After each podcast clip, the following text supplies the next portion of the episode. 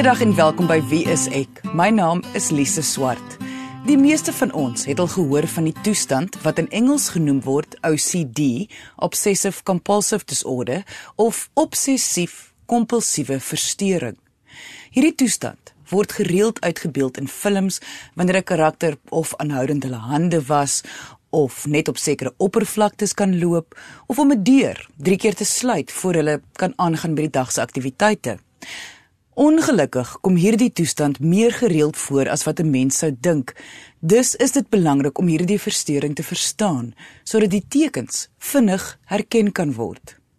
Ek gaan vandag my vra oor obsessief-kompulsiewe verstoring rig aan twee van wie is ek se sielkundiges, Louis Averbag en Anton Bemer, om meer uit te vind oor hierdie lewensveranderende siekte. Louis, kan jy vir ons in gewone taal net verduidelik wat presies is 'n obsessief-kompulsiewe verstoring?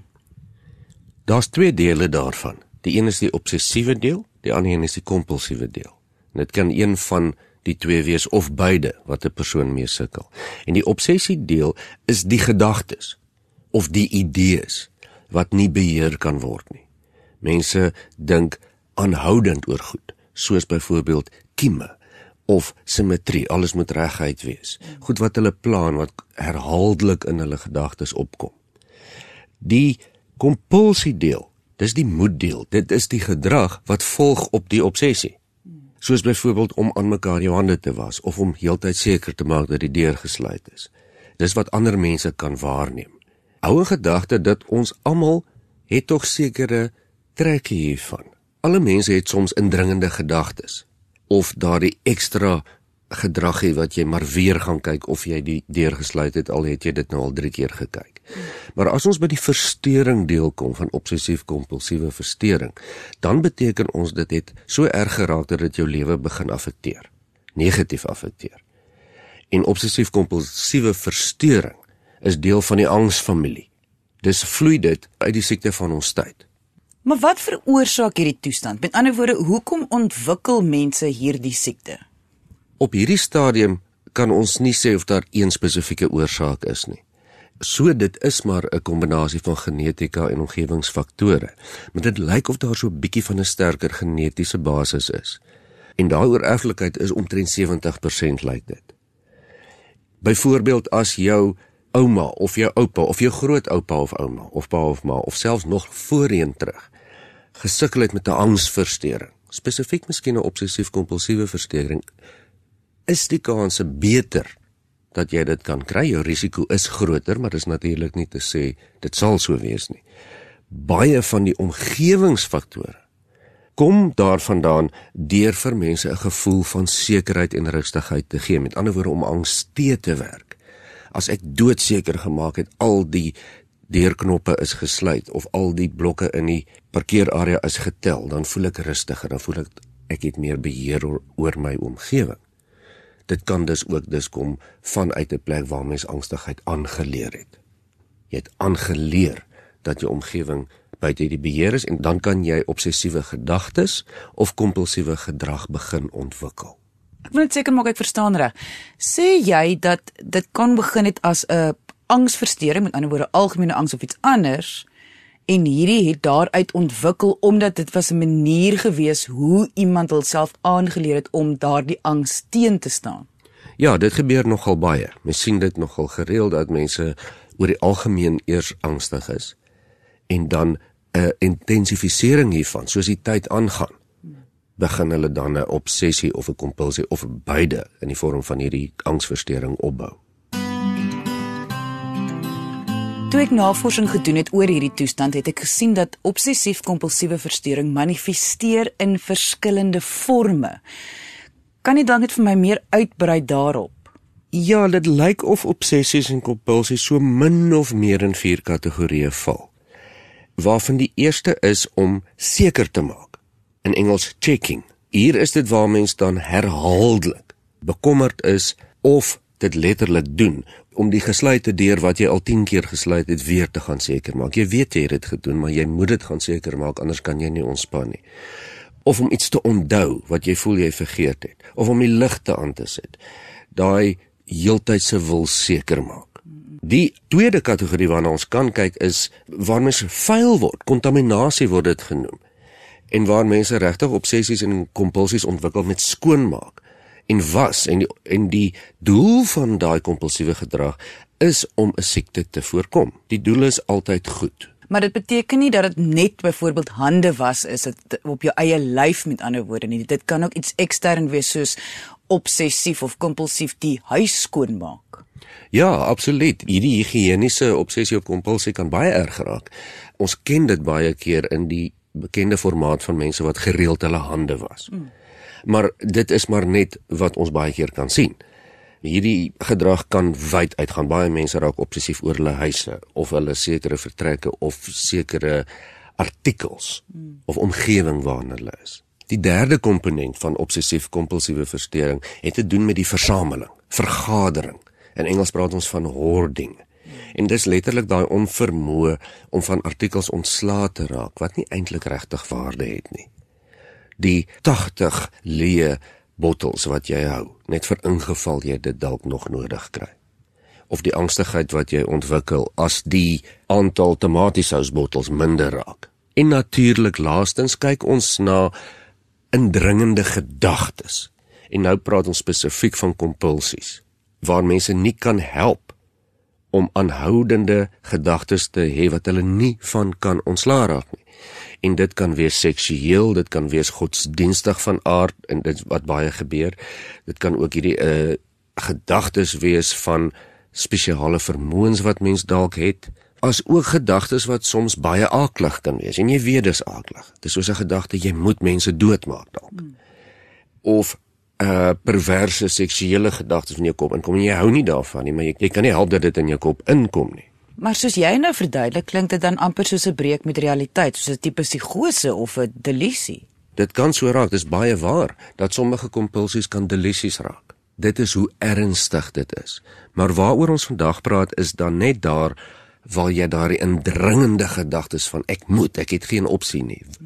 En jou gedrag volg daarop sonder dat dit noodwendig is dat jy psigoties is of nie in kontak is met realiteit maar soos jy sê definitief dit kan daar kom.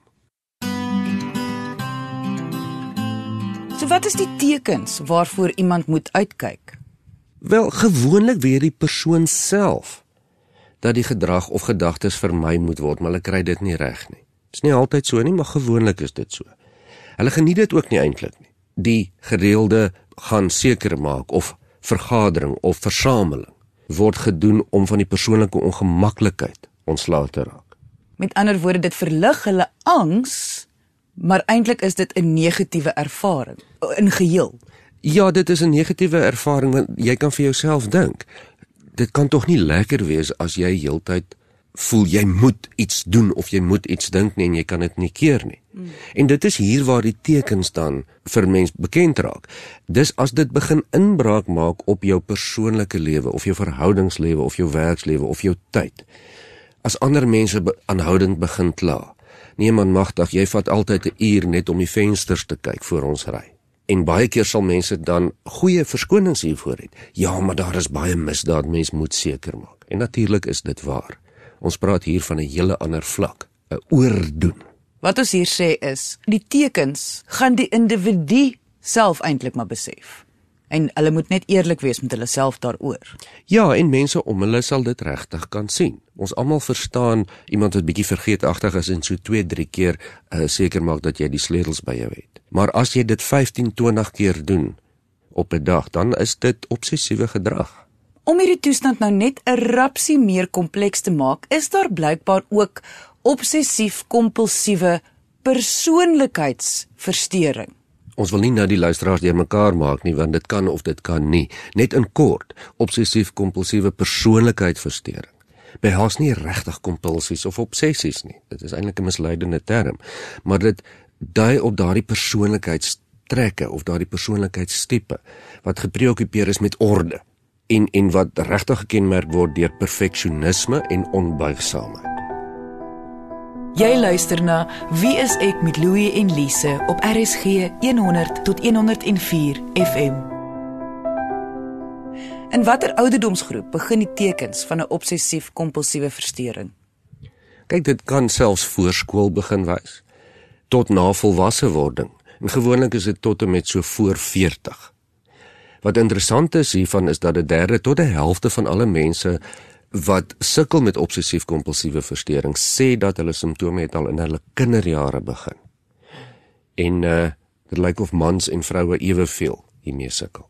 So Louis, wat sou jy wou hê moet luisteraars uit vandag se episode moet wegneem?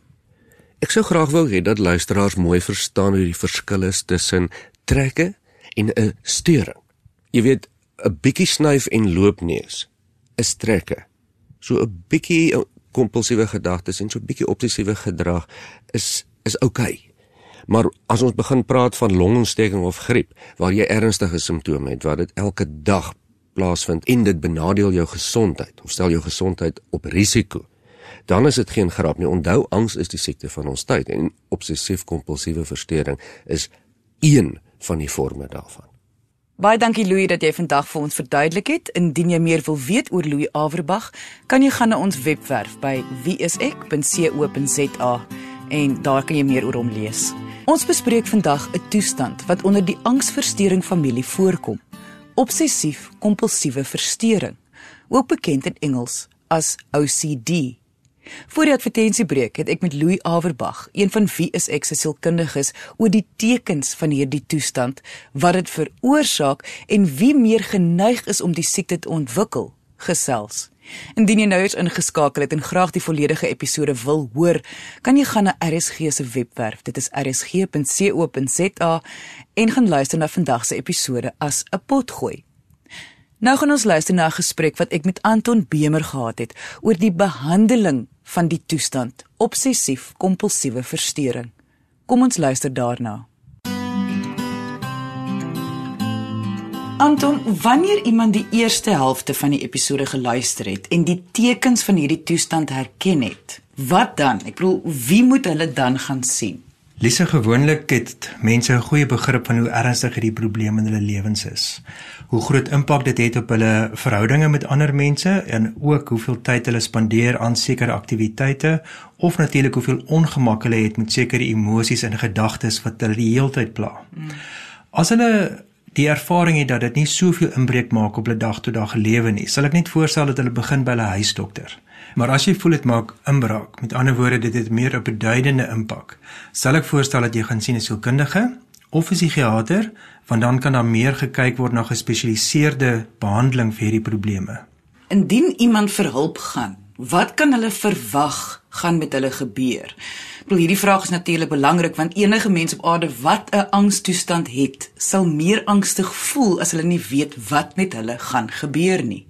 Ek dink wat in eerste plek belangrik is, is net die wete dat jy met nog 'n persoon gaan praat. Al is dit 'n psigiater of 'n sielkundige of watter titel daardie persoon het, maar dis 'n persoon wat sekere kennis het om jou te kan help. En ek dink daarmee saam is dit ook om die aard van die probleem beter te verstaan. Ons ons is baie gemaklik om te sê obsessief kompulsiewe verstoring is 'n angsstoring. Maar hierdie persoon kom met ander woorde meer met probleme wat te doen het met gedrag wat baie tyd vat of sekere gedagte of self beelde wat hulle sien wat vir hulle baie emosioneel sterend is. Daar gaan net met die inligting gewerk word om 'n formulasie daar te stel sodat mens kan besluit watter tipe hulp nodig is. Daar gaan niks vreemd of magies gebeur nie. Daar gaan nie elektrodes op jou kop geplaas by word byvoorbeeld nie. Ja. Dit is baie meer in terme van dit wat jy sê, wat ons kan dalk sien in jou gedrag om dit in 'n sekere kategorie te plaas. Met ander woorde, ons kyk na diagnostiese kriteria om te sien is hierdie 'n angsstoring, is hierdie obsessiewe kompulsiewe gedrag of is daar met ander woorde iets anders wat dalk die probleem kan wees. Dit is so belangrik wat jy sê, dit is juis mense wat al reeds angs het wat hulp soek. Maar dit maak daarom dat baie mense nie hulp soek nie en daar word selfs verwys na obsessief kompulsiewe storing as 'n geheime siekte want mense is nie lief om daaroor te praat nie en hulle voel baie keer baie selfbewus juis om sekere dinge te sê wat hulle dink nie sosiaal aanvaarbaar is nie. Die behandeling van obsessief-kompulsiewe verstoring. Wat sluit dit alles in? Met baie meer komplekse steringe en ek dink ehm um, ek gaan nou maar sommer sê OCD val daar binne in. Is dit belangrik en dit is die ideaal om eintlik multidissiplinêr te werk. Met ander woorde dat daar verskillende dissiplines betrek word om met verskillende oë te kyk na wat die probleem is. Die eerste plek veral as 'n mens die mediese roete volg is natuurlik om te kyk na medikasie en dit het 'n belangrike rol om te speel. Maar dit is ook baie interessant om te sien dat die navorsing wys dat medikasie alleen nie regtig op die langtermyn help nie. Dit het nodig dat daar ander komponente bygebou word en daarvan is natuurlik kliniese sielkunde 'n baie groot komponent. Daardie terapeutiese proses help om sekere gedagtepatrone te identifiseer en natuurlik dan ook te kyk na die gedrag wat daarmee saamkom en hoe daardie gedrag dalk tydrowend kan wees. Terapie fokus dan baie sterk om sekere van daardie idees of denke te bevraagteken of te kyk na alternatiewe wat miskien oorweeg kan word. Die gedrag is actually 'n baie belangrike gedeelte want dit is wat mense op die oppervlakte sien. Ons praat van angs, maar ons sien in terme van iemand tel byvoorbeeld hoeveel boksies tablette hulle in die kas het of in terme van dat daar sekere dinge op 'n sekere manier presies gedoen word voordat hulle die huis kan verlaat. So daardie gedrag kan geweldige impak maak op verhoudinge en mens moet kyk in terme van hoe mens daardie gedrag kan aanspreek. Die een ander aspek wat soms uitgelaat kan word, is dat daar ook moet kyk na die groter familiestruktuur of daar 'n eggenoot of 'n hele familie is wat ook aan baat by 'n ondersteuningsgroep. Die belangrike rede daarvoor ook is dat hierdie tipe probleme soms binne families herhaaldelik voorkom. Dit is nie net noodwendig kom ons sê 'n pa wat hierdie probleem ervaar nie, maar soms kan van die kinders op 'n jong ouderdom ook begin om sekere dinge op 'n sekere manier te doen. So daarom is dit eh, belangrik om hierdie ander mense te betrek. En dan natuurlik, daar's nie 'n quick fix nie. Ongelukkig is hierdie iets wat baie keer selfs in kinderjare ontstaan en dan met tyd word dit so vasgelê dat dit regtig 'n langer termyn terapie benodig om dit suksesvol aan te spreek. En daarom weer eens beide met medikasie maar ook terapie wanneer persone te vroeg stop daarmee kan baie van hierdie obsessiewe gedagtes of kompulsiewe gedrag weer terugkeer. Kan 'n mens genees word van obsessief-kompulsiewe verstoring? Ek dink daar is 'n belangrike onderskeid tussen genees en hoe mens dit beheer. So die geneeskomponent sê vir ons, ehm um, kom ek sê byvoorbeeld ek het 'n fisiese siekte, ek het 'n verkoue en nou het ek medikasie gebruik, nou is die verkoue weg. Obsessief kompulsiewe gedrag het egter 'n geneigtheid om weer, kom ons sê maar op te vlam by tye. En ek dink daarom is dit nodig om net so nou en dan in die langer termyn terapeutiese insette te kry wat help op die langtermyn om dit weer net onder beheer te kry. So ek sal sê genesing tot op 'n sekere punt. Maar dan is dit in terme van hoe mense ook maniere kry om daarmee saam te leef, maar dit wat vir die persoon baie emosionele ongemak veroorsaak of verhoudinge baie sleg beïnvloed, soveel as moontlik uit te skakel. Hoe affekteer die siekte 'n persoon se lewenskwaliteit? Lise, ek is so bly jy vra hierdie vraag, want dit kan maklik misgekyk word. Maar verbeel jouself, jy is vasgevang in 'n visnet van vrese en gedagtes wat gedurende hierdie veg of vlug reaksie uitlok. Hmm. En Ons praat baie keer dat mense self medikeer. Met ander woorde, as jy baie angstig is, kan jy 'n sigaret opsteek of jy kan vir jouself 'n drankie gooi. Dit is of met ander woorde dalk te veel medikasie gebruik. So jy besluit self in terme van hier's iets wat verligting gee. Maar met obsessief-kompulsiewe verstoring is die selfmedikasie persone se gedrag, dit waarmee hulle sekere emosies of probleme mee wil vermy. Die ander aspek daarvan ook is in terme van dat ongelukkig voel mense so vasgevang in hierdie probleem dat hulle baie depressief kan raak. Daar's 'n magteloosheid om uit te breek uit hierdie visnet uit. Dan dan voel dit later dat jou battery leegloop, dat jy baie afvoel. So dan kan hierdie persoon depressief raak. Maar ek dink daar's ook 'n paar ander dinge wat baie spesifiek is met spesifieke tipes obsessiewe kompulsiewe gedrag. Byvoorbeeld iemand wat baie gereeld hulle hande was hulle kan later 'n dermatoloog moet gaan sien want hulle kan dermatitis optel in hulle hande. Die ander een wat ook ehm um, soms na vore kom is dat mense so 'n verwronge beeld het van hulle eie liggame dat hulle so 'n negatiewe perspektief daarop het dat hulle gereeld by 'n plastiese chirurg gaan aanklop om te vra of daar nie veranderinge kan aangerig word alhoewel daardie persoon fisies niks mekeer of hulle uiterlike nie noodwendig sleg lyk nie, maar in hulle eie oë is dit vir hulle baie problematies. Mm. So lewenskwaliteit kom natuurlik op verskillende vlakke, nie net vir die individu nie, maar dan natuurlik ook vir hulle families, vir hulle verhoudinge en natuurlik dit kan hulle werk baie be be sleg beïnvloed. Want weer eens, daar is dalk sekere verantwoordelikhede wat nie nagekom word nie omdat hulle eers elke dag hulle lesenaar moet regpak. En dan kan dit soveel tyd vat om dit te doen dat die ander verantwoordelikhede afgeskeep word. So dit kan iemand se lewe eintlik heeltemal oorneem. Nie net dit nie, maar daardie persone kan dan met tyd baie geïsoleerd raak. So hulle onttrek baie meer van ander mense af. Hulle is baie meer op hulle self ingestel want dis hulle wat spook met hierdie gedagtes, met hierdie nare idees wat vir hulle die heeltyd tuister. En dan weer eens probeer hulle dit beheer deur sekere reëls te volg, deur sekere aksies te volg wat nie noodwendig effektief is nie, maar hulle die ervaring dat dit van die angs wegneem. Alles dit net tydelik. Jy luister na Wie is ek met Louie en Lise op RSG 100 tot 104 FM. So Anton, wat sou jy wou hê moet luisteraars uit vandag se episode moet wegneem? Hierdie persoon lewe in hulle eie vrese. Hulle lewe in hulle eie bang wees. En as ons by daardie angstigheid uitkom en die inhoud daarvan wat dit ook al mag wees of dit is dat daar sekere geloofs-issues is dat jy dalk 'n reël gebreek het of sonde pleeg of dit dalk mag wees in terme van dat daar iets verskrikliks gaan gebeur of dat jy twyfel in jou eie besluite en jy jouself die hele tyd korrigeer dit moet altyd gesien word as iets wat spruit uit angs uit.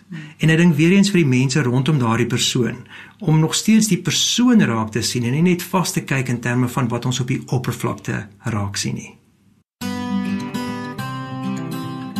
Indien jy enige vrae het oor vandag se onderwerp of jy wil net jou storie met ons deel, kan jy gaan na ons webwerf wieisek.co.za waar jy meer inligting oor Louis en Anton sal vind en meer inligting oor obsessief-kompulsiewe verstoring.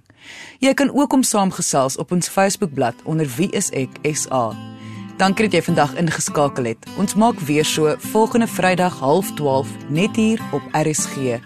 Jy moet 'n lekker naweek hê en onthou, kyk mooi na jouself.